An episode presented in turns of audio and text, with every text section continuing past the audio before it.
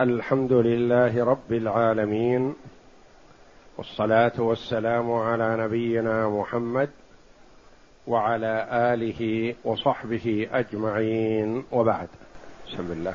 بسم الله الرحمن الرحيم. والصلاة والسلام على أشرف الأنبياء والمرسلين نبينا محمد وعلى آله وصحبه أجمعين.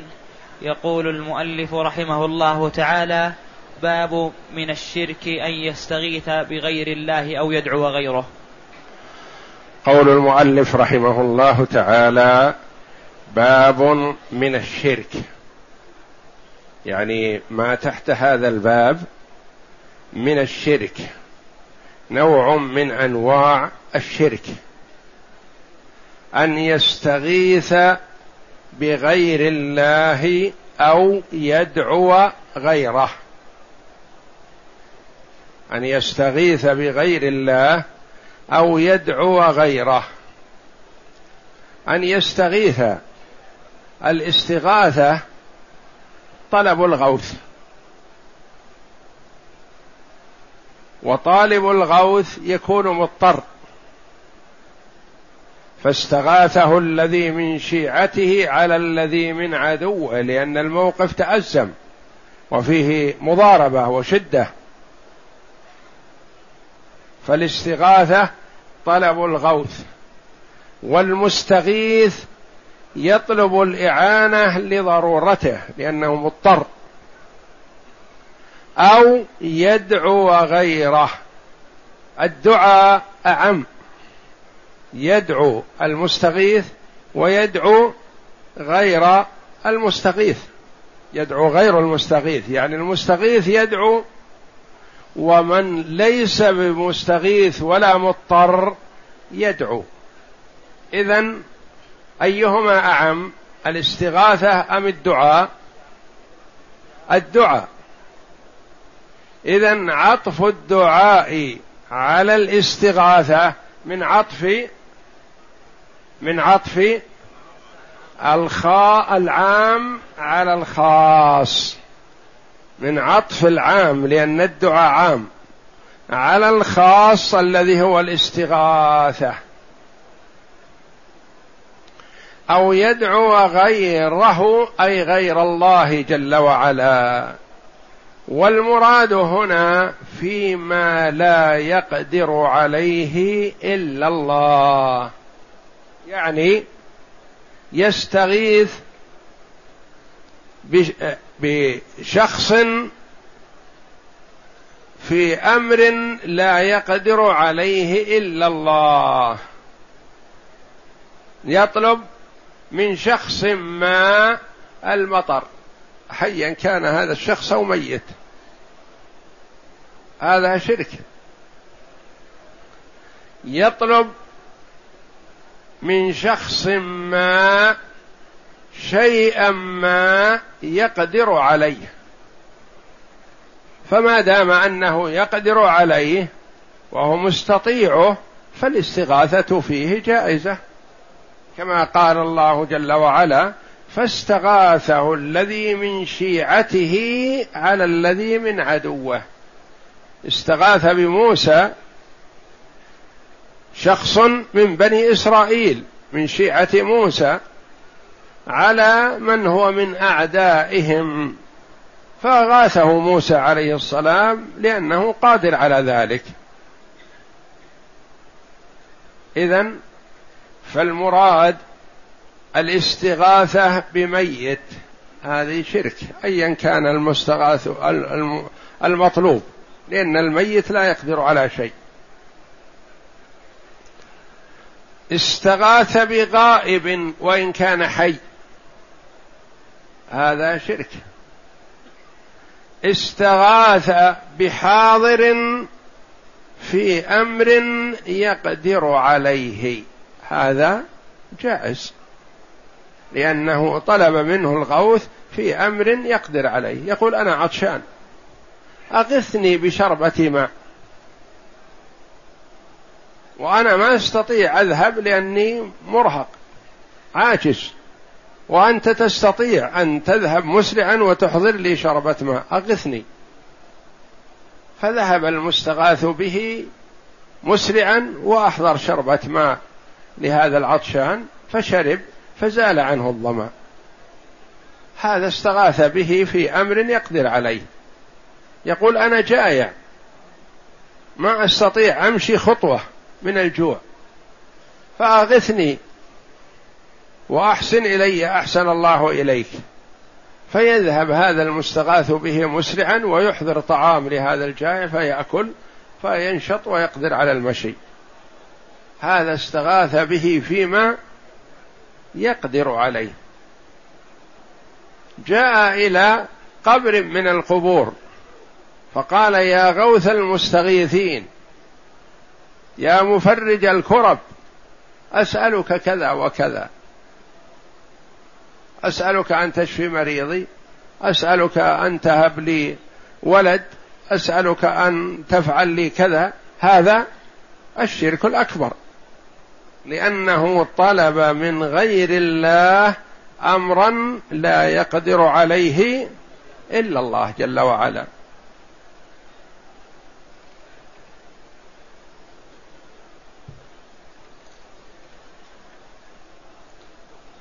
أن يستغيث بغير الله أو يدعو غيره.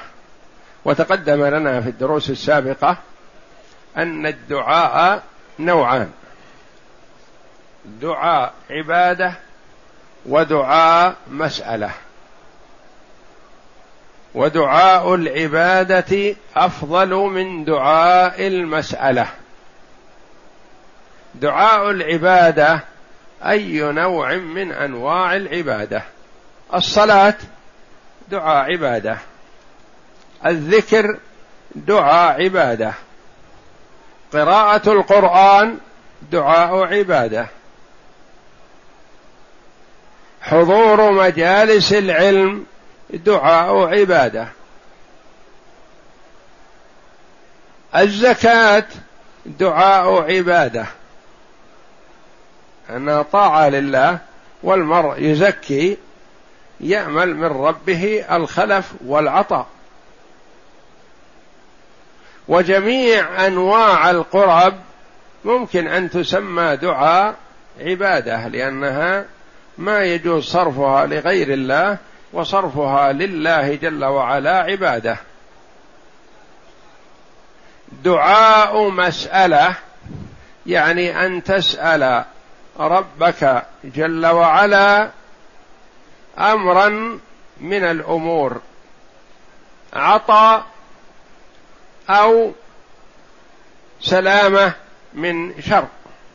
هذا دعاء مسألة يعني تسأل. تقول اللهم عافني من المرض. هذا دعاء مسألة. اللهم ارزقني رزقا حلالا. هذا دعاء مسألة. اللهم ارزقني علما نافعا. هذا دعاء مسألة يعني تسأل ربك. اللهم اغفر لي ولوالدي ووالديهم وإخواني المسلمين. هذا دعاء مسألة. وهكذا وأيهما أفضل؟ دعاء العبادة أفضل من دعاء المسألة. وفي كل عبادة وتذلل لله جل وعلا. لكن دعاء العبادة أفضل كما جاء في الحديث أن الله جل وعلا يقول من اشتغل بذكري عن مسألتي أعطيته أفضل ما أعطي السائلين. واحد يلح على ربه بالدعاء يسأل يسأل يسأل. هذا عبادة ودعاء. آخر اتكل واعتمد على علم الله جل وعلا بحاجته وفقره وأخذ يقرأ القرآن أو يصلي. هذا دعاء عبادة.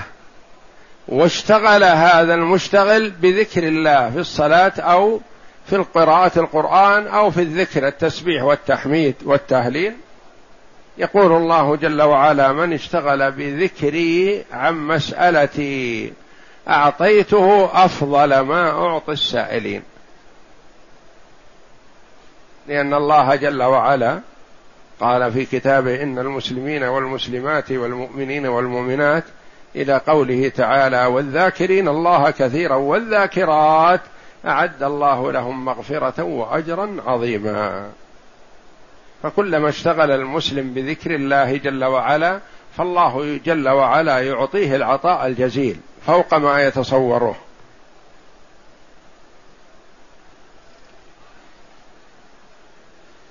نعم. يقول الله تعالى ولا تدع من دون الله ما لا ينفعك ولا يضرك فإن فعلت فإنك إذا من الجاهلين. من الظالمين. من الظالمين. وإن يمسسك الله بضر فلا لا. كاشف له إلا هو. وقول الله تعالى ولا تدع من دون الله ما لا ينفعك ولا يضرك. فإن فعلت دعوت من دون الله من لا ينفع ولا يضر ماذا تكون؟ فإنك اذا من الظالمين. ظلمت نفسك. عرضتها للعقوبة. فأظلم الظلم هو الشرك بالله. لانك كونك تأخذ مال زيد وتعطيه عمرو هذا ظلم. لأنه صرف حق مخلوق لمخلوق آخر. هذا ظلم بلا شك. وإذا صرفت حق الله جل وعلا الخالق المتصرف جعلته لمخلوق فهذا أفظع وأشد. والله جل وعلا قال عن لقمان عليه السلام أنه قال لابنه وهو يعظه يا بني لا تشرك بالله إن الشرك لظلم عظيم. أظلم الظلم الشرك بالله.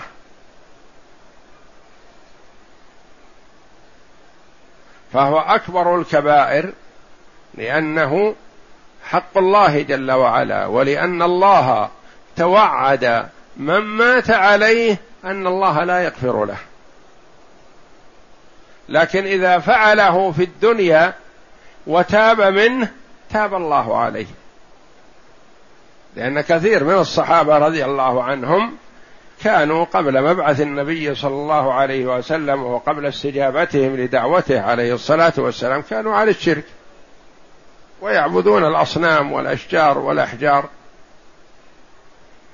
وكان منهم من يعبد الحجر ويجعله بين يديه يسجد له. فإذا وجد حجرا أجمل منه أو أحسن منه أو أخف منه أو أشد بياضا أو أليق لا فالأول وأخذ الثاني وبدأ يعبد الحجر الجديد. عقول مع الكفر والعياذ بالله سخيفة. فلما استنارت بنور الإيمان قادت العالم كله إلى الجنة وإلى رضوان الله.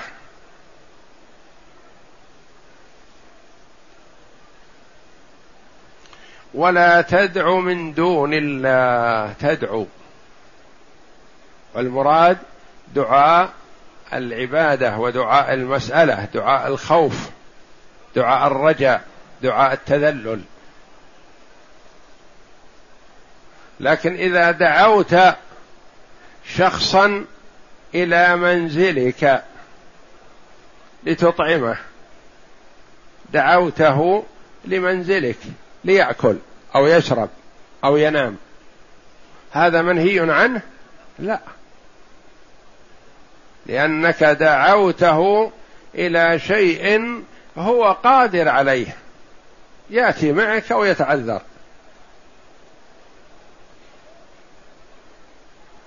دعوت شخصا أن يشفي مريضك اللي عندك في البيت.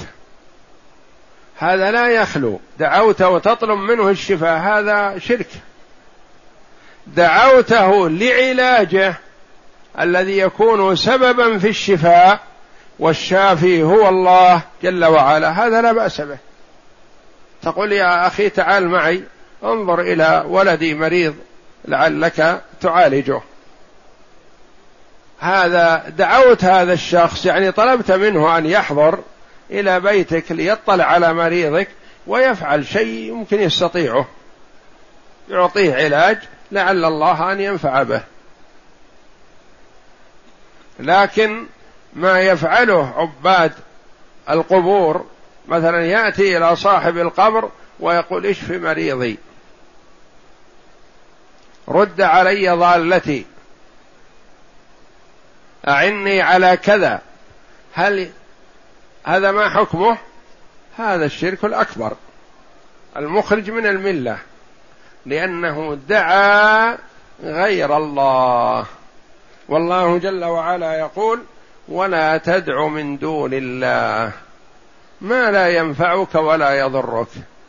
ما يستطيع أن ينفعك لأنه ميت. ولا تدري عنه. إن لم يكن من المشهود لهم بالجنة المشهود لهم بالجنة لا شك أنه في روضة من رياض الجنة. وغير المشهود له في الجنة ما تدري هل هو في روضة من رياض الجنة أو حفرة من حفر النار.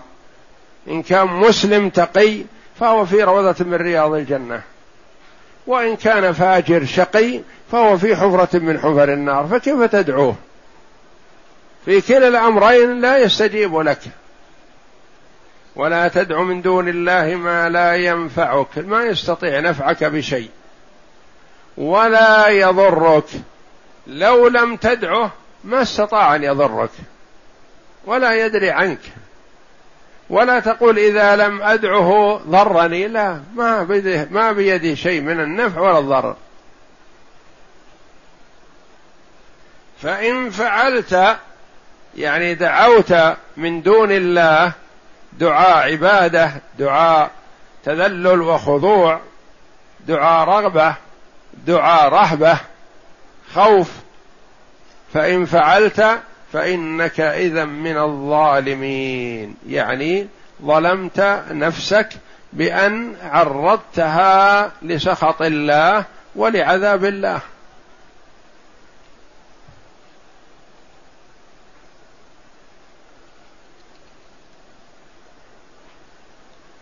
نعم. وقوله تعالى وإن يمسسك الله بضر فلا كاشف له إلا هو. وإن يمسسك الله بضر فلا كاشف له إلا هو.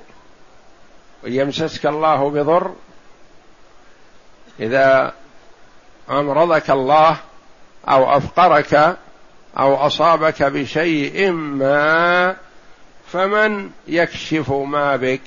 هل يستطيع أي مخلوق أن يكشف ما بك؟ لا والله. وإن يردك بخير فلا راد لفضله. إذا أراد الله جل وعلا لك شيء ينفعك لو أراد كل أهل الأرض أن يمنعوك ويحرموك من هذا ما استطاعوا. واعلم على حديث ابن عباس رضي الله عنهما واعلم أن الأمة لو اجتمعوا على أن ينفعوك بشيء لم ينفعوك إلا بشيء قد كتبه الله لك. وإن اجتمعوا على أن يضروك فلن يضروك إلا بشيء قد كتب كتبه الله عليك. وإنما الناس فيما يقدرون عليه سبب من الأسباب. ما يستطيعون أن يعطوا من أنفسهم وإنما الله جل وعلا يسوق هذا الرزق على يد من شاء من عباده.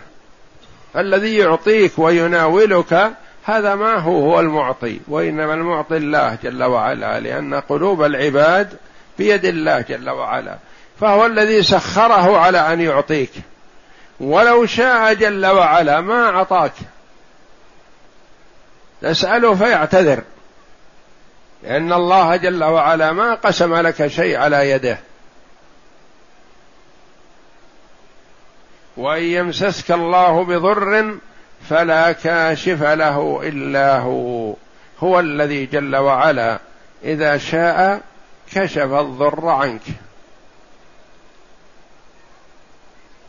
وإذا أراد لك الخير ساقه على يد من شاء من عباده.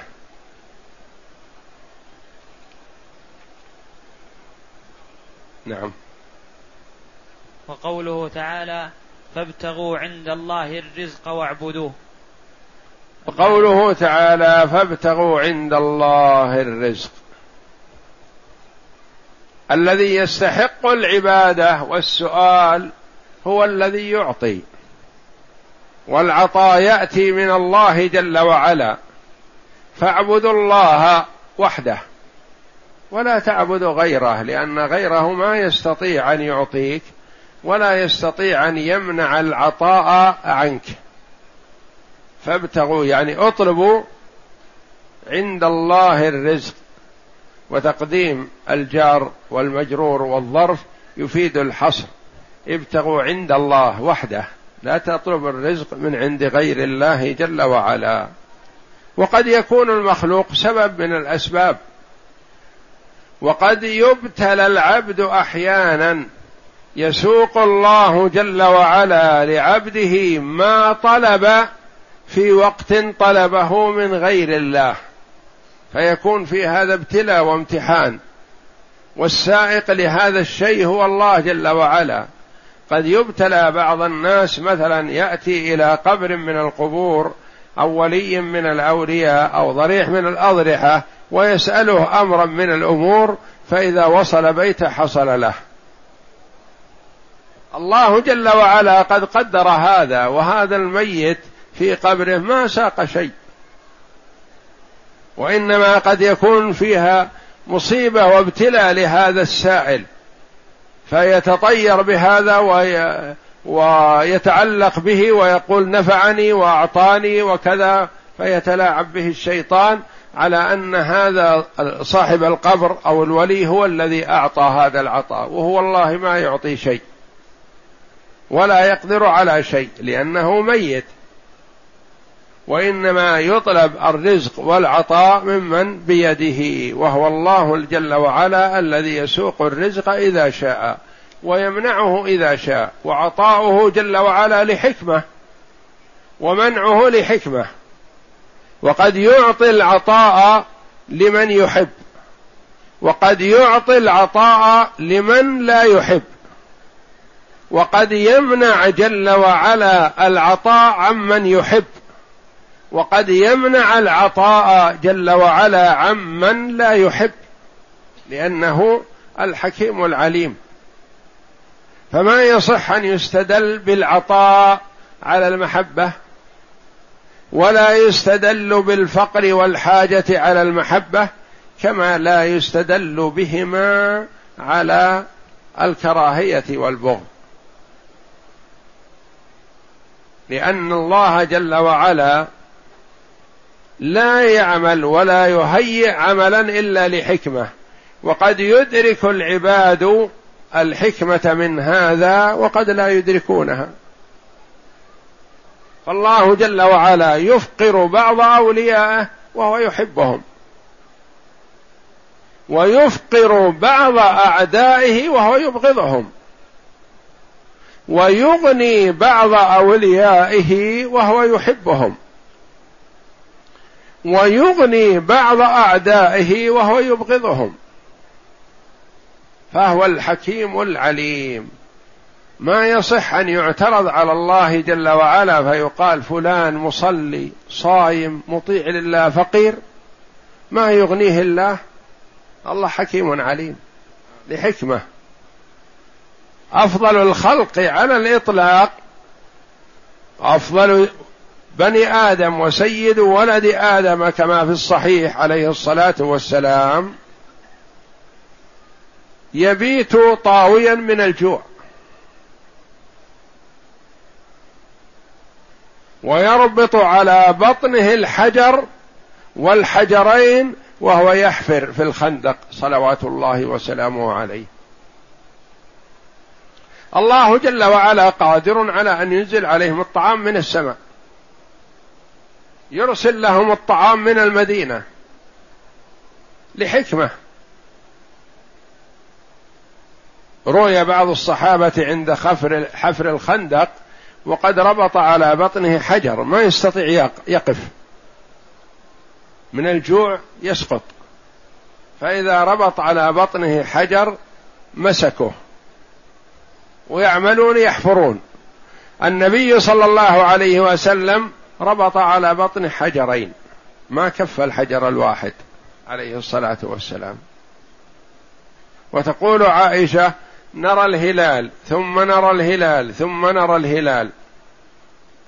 ثلاثة أهلة في شهرين وما أوقد في بيت رسول الله صلى الله عليه وسلم نار.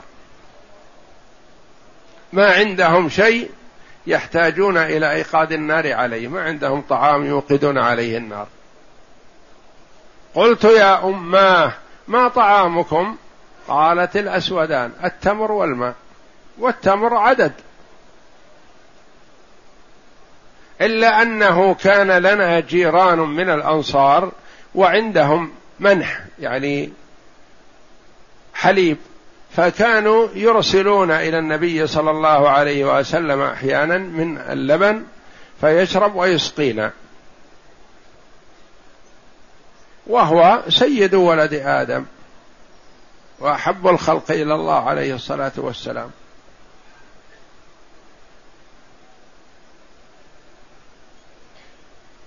ويعطي العطاء الجزيل لمن يحبه. فبعض الصحابة رضي الله عنهم كانوا تجار وكانوا أغنياء وعندهم المال الكثير. وهم ممن شهد لهم النبي صلى الله عليه وسلم بالجنة. ويبذلون في سبيل الله ثم يتضاعف. كل ما بذلوا يريدون التخفيف من هذا المال لأنه يتكاثر فيزيد. حتى إن بعضهم رضي الله عنهم كانوا يقسمون الذهب بالفؤوس. الذهب بالفاس يقطعونه ويقسمونه لما توفي رضي الله عنه. وعدة مرات يشاطر ماله. كل ما اجتمع ينصفه نصفين نصف في سبيل الله ونصف خلاه معه. ثم يتضاعف ويأتي أكثر من النصف الذي راح. فالعطاء والمنع لا يدل على المحبة ولا على الكراهية. والله جل وعلا حكيم عليم. ولا يجوز للمسلم الاعتراض على أحكام الله جل وعلا. وإنما المسلم يقول كما قال الله جل وعلا عن خيار هذه الأمة أنهم قالوا سمعنا وأطعنا. ما دام سمع وعلم فتلزم الطاعة. أدرك الحكمة أو لم يدركها.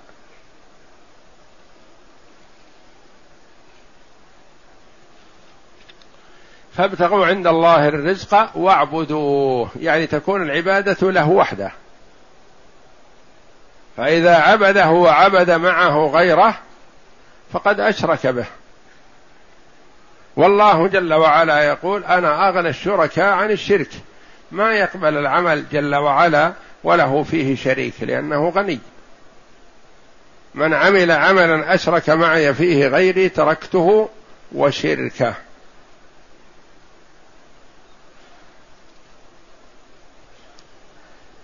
نعم. وقوله تعالى ومن أضل ممن يدعو من دون الله من لا يستجيب له إلى يوم القيامة.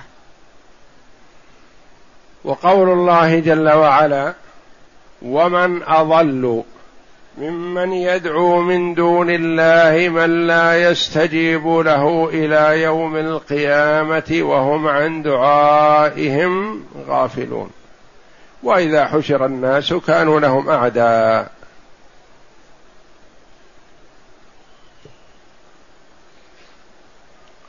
ومن أضل ممن يدعو من دون الله.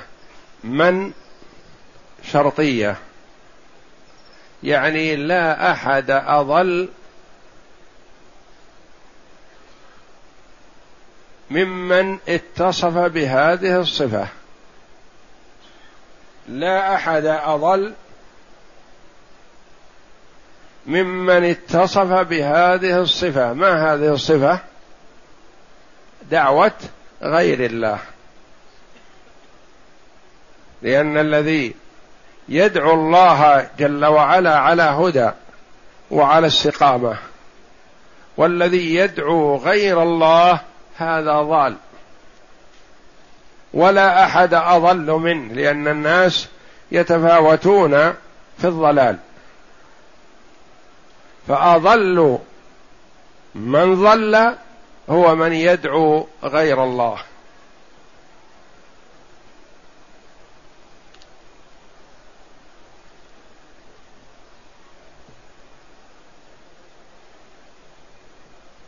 وإذا حشر الناس كانوا لهم أعداء.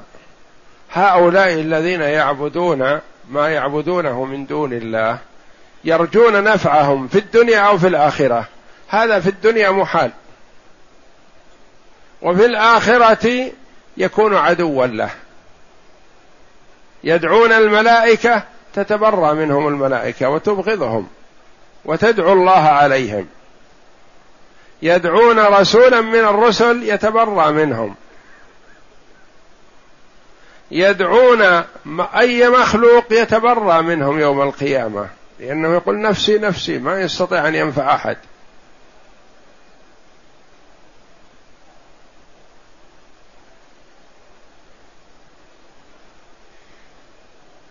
وإذا حشر الناس كانوا لهم أعداء فهم يعادونهم لأنهم عبدوهم مع الله جل وعلا. ولا شك أن من عبد مع الله وهو راض فإنه طاغوت من الطواغيت. أما إذا عبد مع الله وهو لم يرضى بهذه العبادة فهي لا تضره. كعيسى بن مريم عليه وعلى نبينا أفضل الصلاة والسلام وكعزير وغيرهم من الصالح ومن عبد عليا ومن عبد الحسن أو من عبد الحسين كل هؤلاء يعاديهم يعادونهم هؤلاء ولا يرضون بعبادتهم وهم سالمون من شرهم لأنهم ما رضوا بهذه العبادة وإنما الذي يعذب بهذا من أمر بعبادة نفسه أو رضي بذلك. نعم. وقوله تعالى أمن يجيب المضطر إذا دعاه ويكشف ويكشف السوء. يقول تعالى أمن يجيب المضطر إذا دعاه. من هو الذي يجيب المضطر إذا دعاه؟ الجواب هو الله جل وعلا وحده ولا يجيب غيره. غيره ما يستطيع أن يجيب. لكن قد تحصل الإجابة من الله جل وعلا وقت دعاء الغير فيتوهم هذا الغافل المسكين الجاهل الضال أن سيده هو الذي استجاب له وسيده ما يدري عن شيء. يظن أن إلهه الذي عبده مع الله هو الذي استجاب له. أمن يجيب المضطر يعني لا أحد يجيب المضطر إذا دعاه ويكشف السوء سوى الله جل وعلا. هو الله وحده لا شريك له. فالمرء إذا توجه يتوجه إلى الله جل وعلا والله جل وعلا يقول وإذا سألك عبادي عني فإني قريب أجيب دعوة الداعي إذا دعان. فليستجيبوا لي وليؤمنوا بي لعلهم يرشدون. فإذا دعا المضطر ربه جل وعلا استجاب له. وإذا دعا غيره حرم الإجابة والعياذ بالله.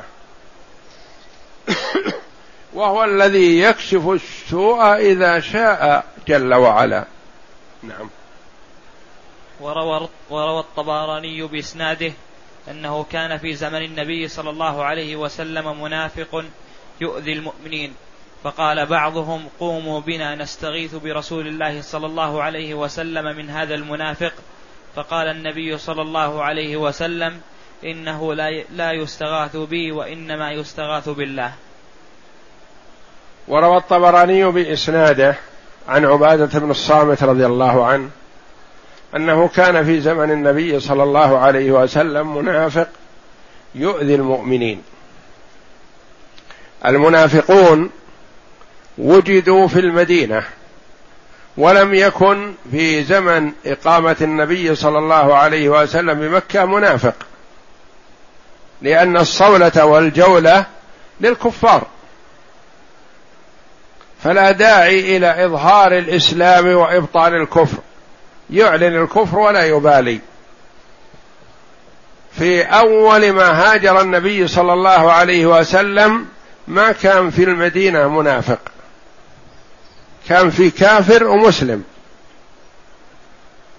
ثم لما نصر الله جل وعلا عبده ورسوله محمدا صلى الله عليه وسلم والمؤمنين في موقعة بدر وظهر أمرهم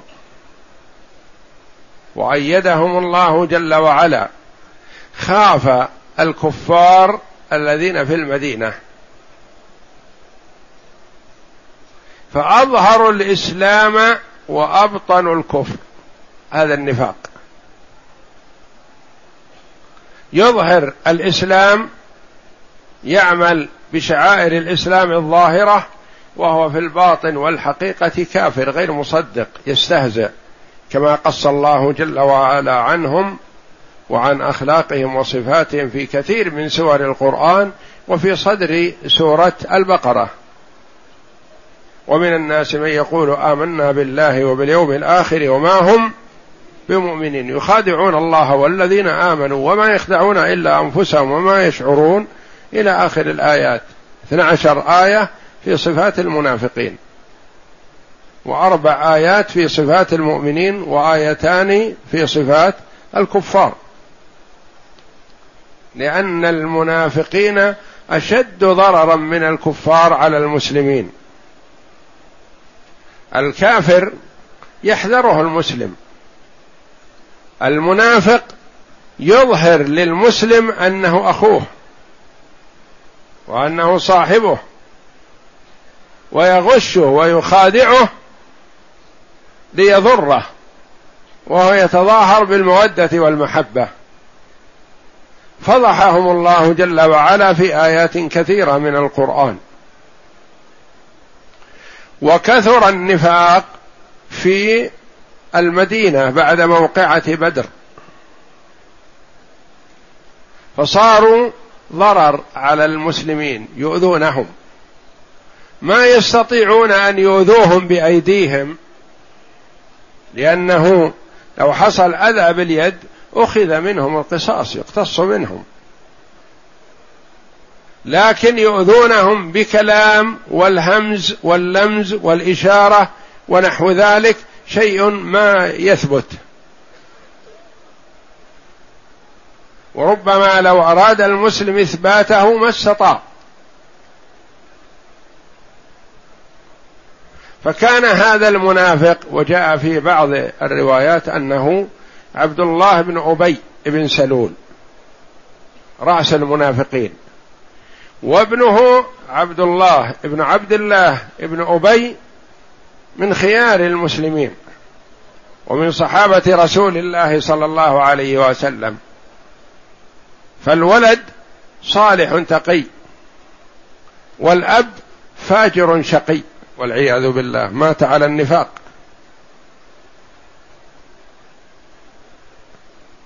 فهو يؤذي المسلمين لا بيده وإنما بكلام يقوله ونحو ذلك ولا يمسك عليه شيء ربما. مثل ما حاكوا عن عما قالوه في الإفك نحو أم المؤمنين رضي الله عنها وأرضاها عائشة. اتهموها بما برأها الله جل وعلا به من فوق سبع سماوات.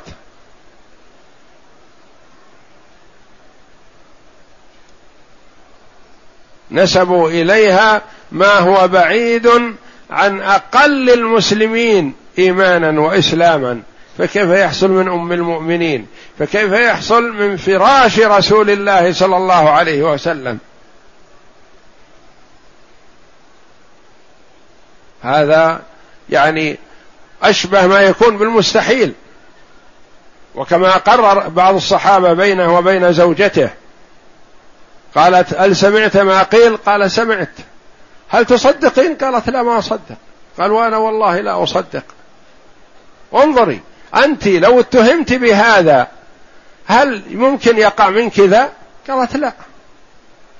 قال عائشة رضي الله عنها أفضل منك. وأنا ما أتصور أنه يقع مني. ورسول الله صلى الله عليه وسلم أفضل الخلق. ما يمكن أن يقع هذا الشيء في فراشه. ظن المؤمنون والمؤمنات بأنفسهم خيرا. وقالوا هذا إفك مبين هذا كذب. والمنافقون يروجون له. لما جاءت البراءة من الله جل وعلا من السماء ما صار فيه. ولزم إقامة الحد على من رماها. فأقيم على بعضهم الحد الذي ظهر منه الكلام.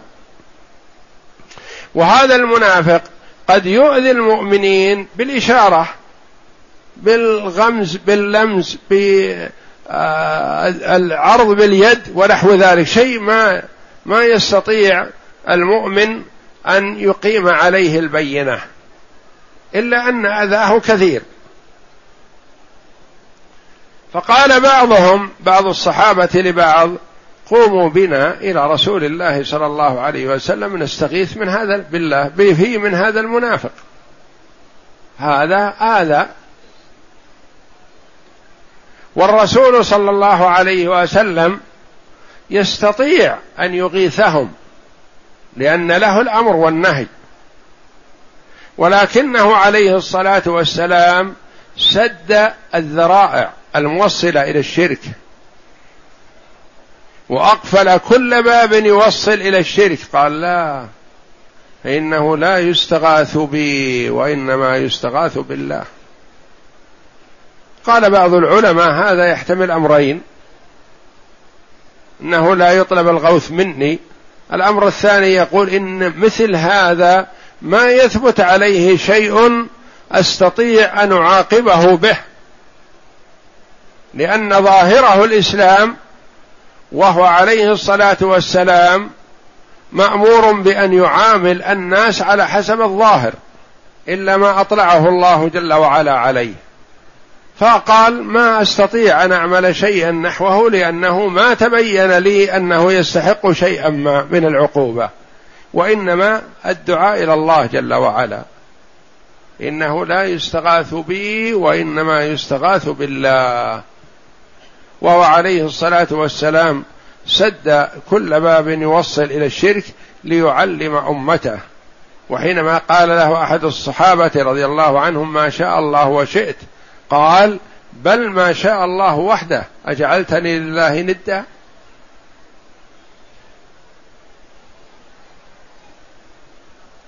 فقال النبي صلى الله عليه وسلم إنه لا يستغاث بي. وإنما يستغاث بالله. والمرء إذا أقفل بابا أمام سائر أو طالب أو نحوه لا بد يفتح له باب مناسب لل... للولوجة. ما يقفل الباب أمامه فقط ما يقول إنه لا يستغاث بي ما قال هكذا عليه الصلاة والسلام. وإنما قال لا تستغيثوا بي و واستغيثوا بالله.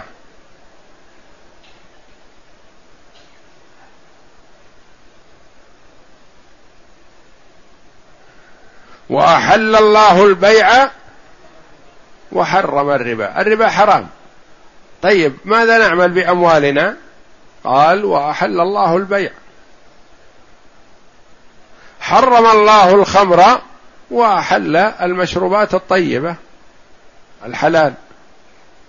حرم الله الزنا وأحل الله النكاح. حرم الله الربا وأحل البيع وهكذا. إنه لا يستغاث بي وإنما يستغاث بالله. فالمرء إذا أراد الغوث أن يتوجه إلى من بيده ذلك ومن هو قادر وحتى فيما تطلب من المخلوق أن يعينك عليه تطلب من الله جل وعلا أن يهيئ ذلك وييسره. لأن المخلوق قد يكون سبب وقد لا يكون كذلك. قد يكون سبب يغيثك بأمر الله جل وعلا وإرادته وقد لا يقوم لك بشيء.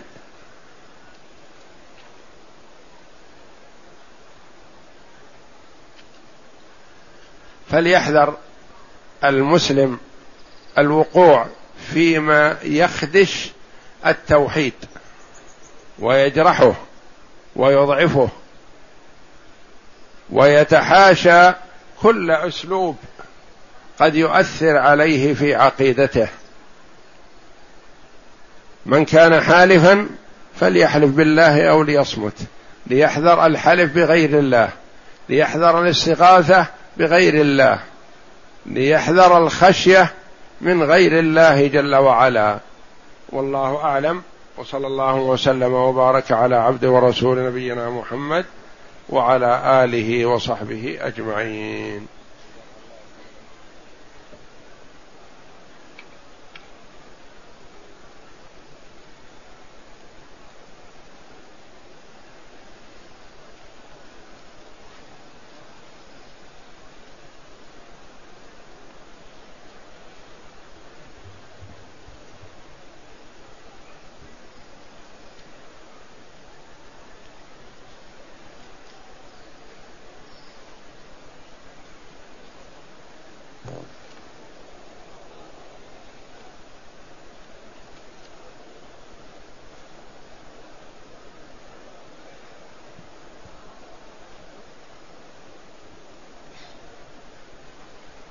يقول السائل إذا نعست أثناء الدرس وأنا جالس فهل يجب علي أن أتوضأ لصلاة المغرب؟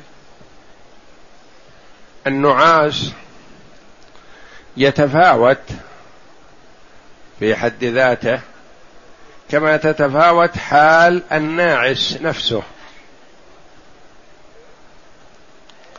الناعس قد يكون مستلقي.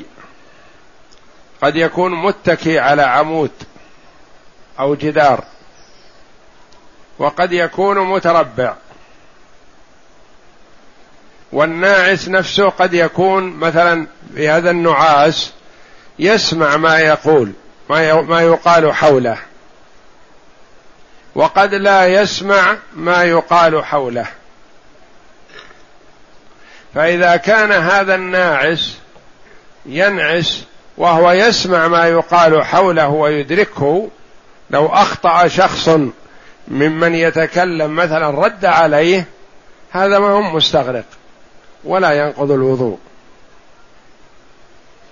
قد يكون الناعس مستلقي هذا ينقض الوضوء وان قل قد يكون متكئ على جدار أو على عمود ينقض الوضوء وان قل قد يكون متربع هذا ما ينقض الوضوء إذا لم يفقد السمع مطلقا يعني ما يدري ما حوله. كان الصحابة رضي الله عنهم ينتظرون النبي صلى الله عليه وسلم في صلاة العشاء حتى تخفق رؤوسهم ويقومون يصلون ولا يتوضؤون. ينتظرون النبي صلى الله عليه وسلم في المسجد حتى تخفق رؤوسهم يعني من النعاس. ثم يقومون ويصلون. فدل على أن النعاس الخفيف وإن خفق فيه الرأس فإنه لا ينقض الوضوء.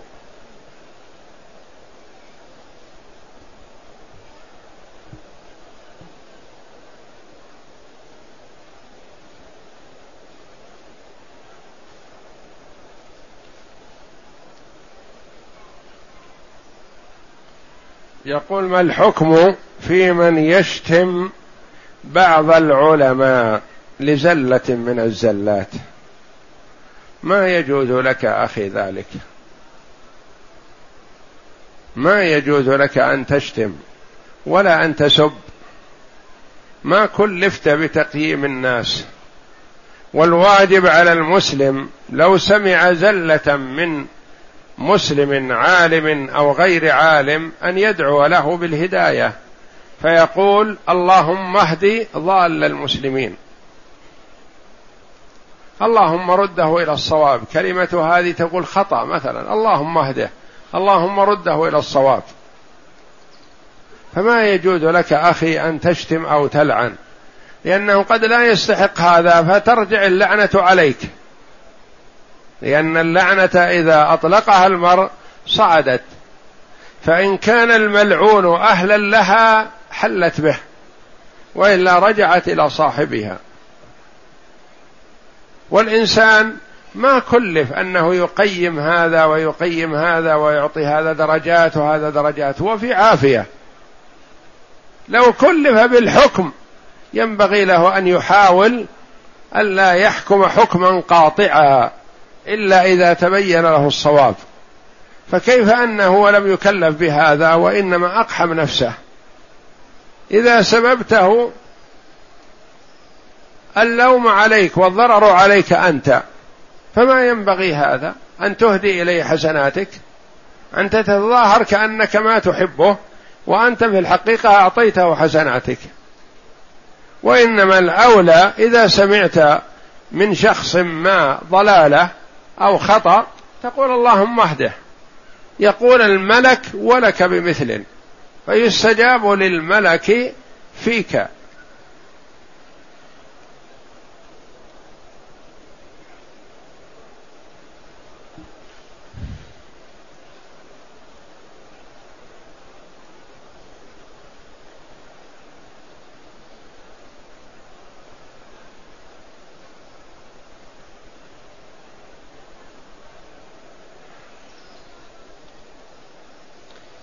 يقول السائل ما حكم قراءة القرآن للحائض؟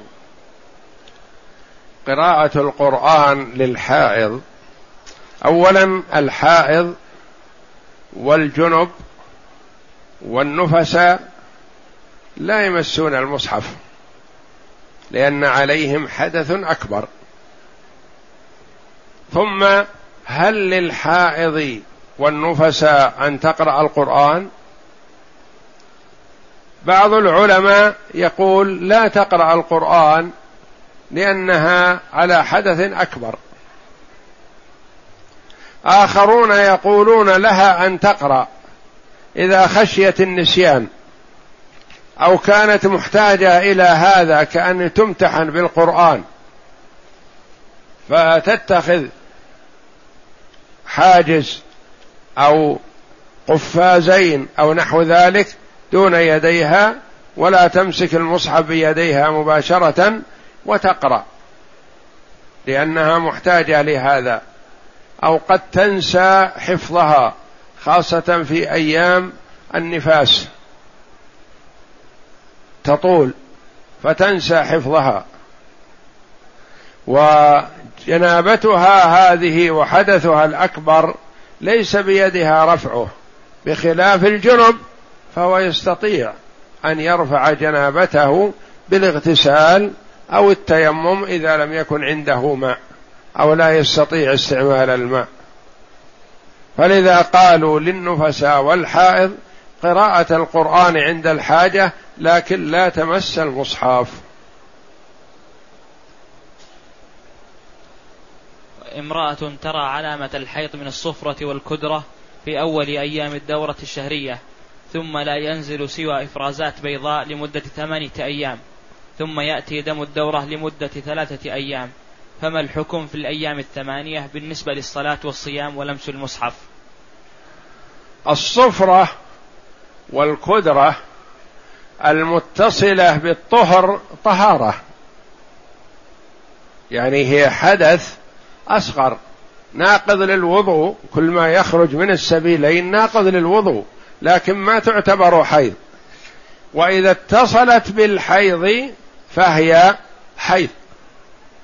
تقول أم عطيه رضي الله عنها ما كنا لا نعد الصفرة والكدرة بعد الطهر شيئا. فالصفرة والكدرة المتصلة بالطهر طهر. وهو حدث وناقض للوضوء لكن ما يعتبر حيض. وإذا اتصلت بالحيض فهي حيض.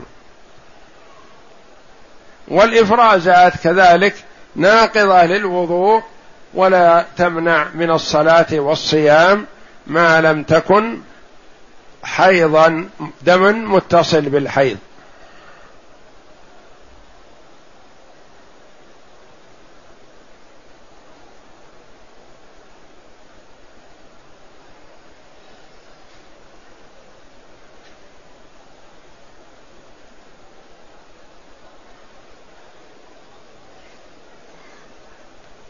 يقول السائل ما حكم من بنى بيتا من من قرض مصرفي له فوائد؟ عليه التوبة والاستغفار والندم على ما فرط منه والعزم على الا يعود ويتخلص من الربا ما يستمر معهم والله جل وعلا يتوب على من تاب. فلا يقال له تخلص من البيت أو اترك البيت أو يحرم عليك الجلوس فيه أو يحرم عليك الصلاة فيه ما دام أنه بناه حال جهل منه أو علم لكنه عاص فإذا تاب تاب الله عليه.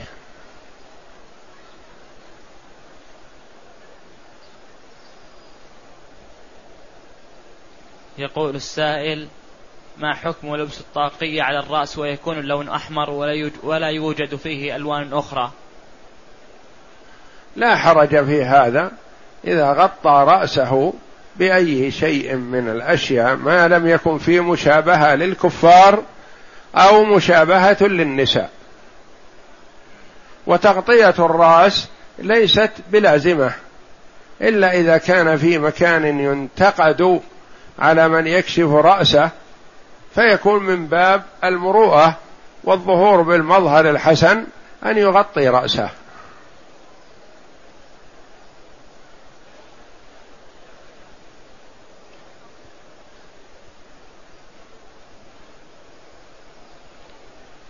يقول السائل ما حكم من دخل في صلاة النافلة ثم قطعها وانتقل إلى صلاة الجنازة؟ إذا دخل في صلاة نافلة له قطعها سواء كان لسبب أو لغير سبب إلا أن الأفضل الإتمام. لقوله تعالى ولا تبطلوا أعمالكم. واختلف العلماء رحمهم الله فيما إذا دخل المرء في صلاة جنازة في صلاة نافلة ثم حضرت الجنازة. هل يتم النافلة ويترك الجنازة أم يقطع النافلة ويصلي على الجنازة؟ بعضهم يرى أنه يقطع النافلة ويصلي على الجنازة يقول لأن الجنازة تفوت والنافلة بالإمكان بعد الصلاة على الجنازة يأتي بالنافلة. آخرون قالوا لا الأولى له أن يستمر في عبادته وفي النافلة التي هو فيها أخذا بقوله تعالى ولا تبطلوا أعمالكم. ما دام دخل في عمل صالح فيستمر فيه. قولان للعلماء رحمهم الله وإذا أمكن أن يتم النافلة خفيفة ويلحق بصلاة الجنازة فحسن. وكذا مثل هذا لو دخل في صلاة فريضة وهو منفرد. ثم حضرت جماعة فالأولى له أن يصلي مع الجماعة فيقلب فريضته هذه نافلة ثم إن شاء قطعها وإن شاء تمها خفيفة ولحق بالجماعة الذين حوله وصلى معهم.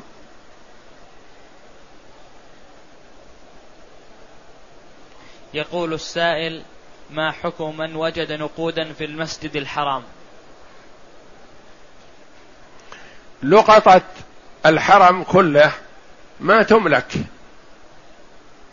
لا تحل لقطته إلا لمنشد. يعني تأخذ اللقطة لأجل تبحث عن صاحبها. ولا ينبغي لك أن تأخذها لأنك إذا أخذتها لن تؤدي الواجب عليك في التعريف. ولا تحل لك فدعها بمكانها لعل صاحبها يعود إليها فيجدها. لو تواطأ الناس على هذا لكان أولى أن لا يأخذها ويدعها في مكانها حتى يأتي صاحبها. فإن أخذها ورفعها فالأولى به أن يعطيها لمن يحفظ الأشياء الضائعة لعل صاحبها يأتي ويسأل عنها فيجدها.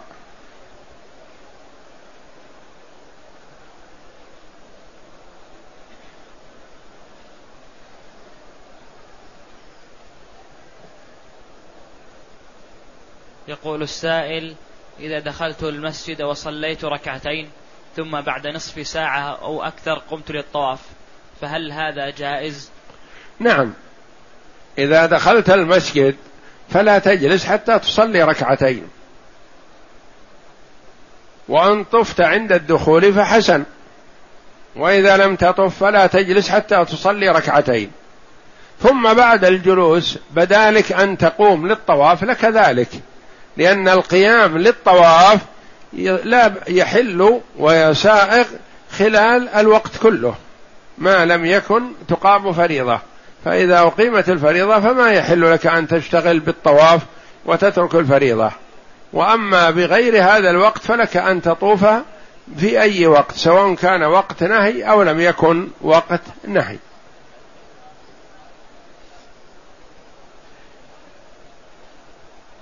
يقول السائل ما حكم المرور بين يدي المصلي المنفرد في الحرم؟ المرور بين يدي المصلي في سائر البقاع محرم. ويقول عليه الصلاة والسلام لو يعلم المار ما عليه لكان أن يقف أربعين خير له من أن يمر. فلا يجوز للمسلم أن يمر بين يدي المصلي في سائر البقاع بما في ذلك المسجد النبوي. أما المسجد الحرام ومكة فمحل خلاف بين العلماء رحمهم الله. بعض العلماء رحمهم الله أجاز المرور. قال لأنه قد جاء أن النبي صلى الله عليه وسلم كان يصلي حول الكعبة وكان الطائفون يمرون بين يديه فلم يكن يمنعهم. وجاء عن عبد الله بن الزبير كذلك.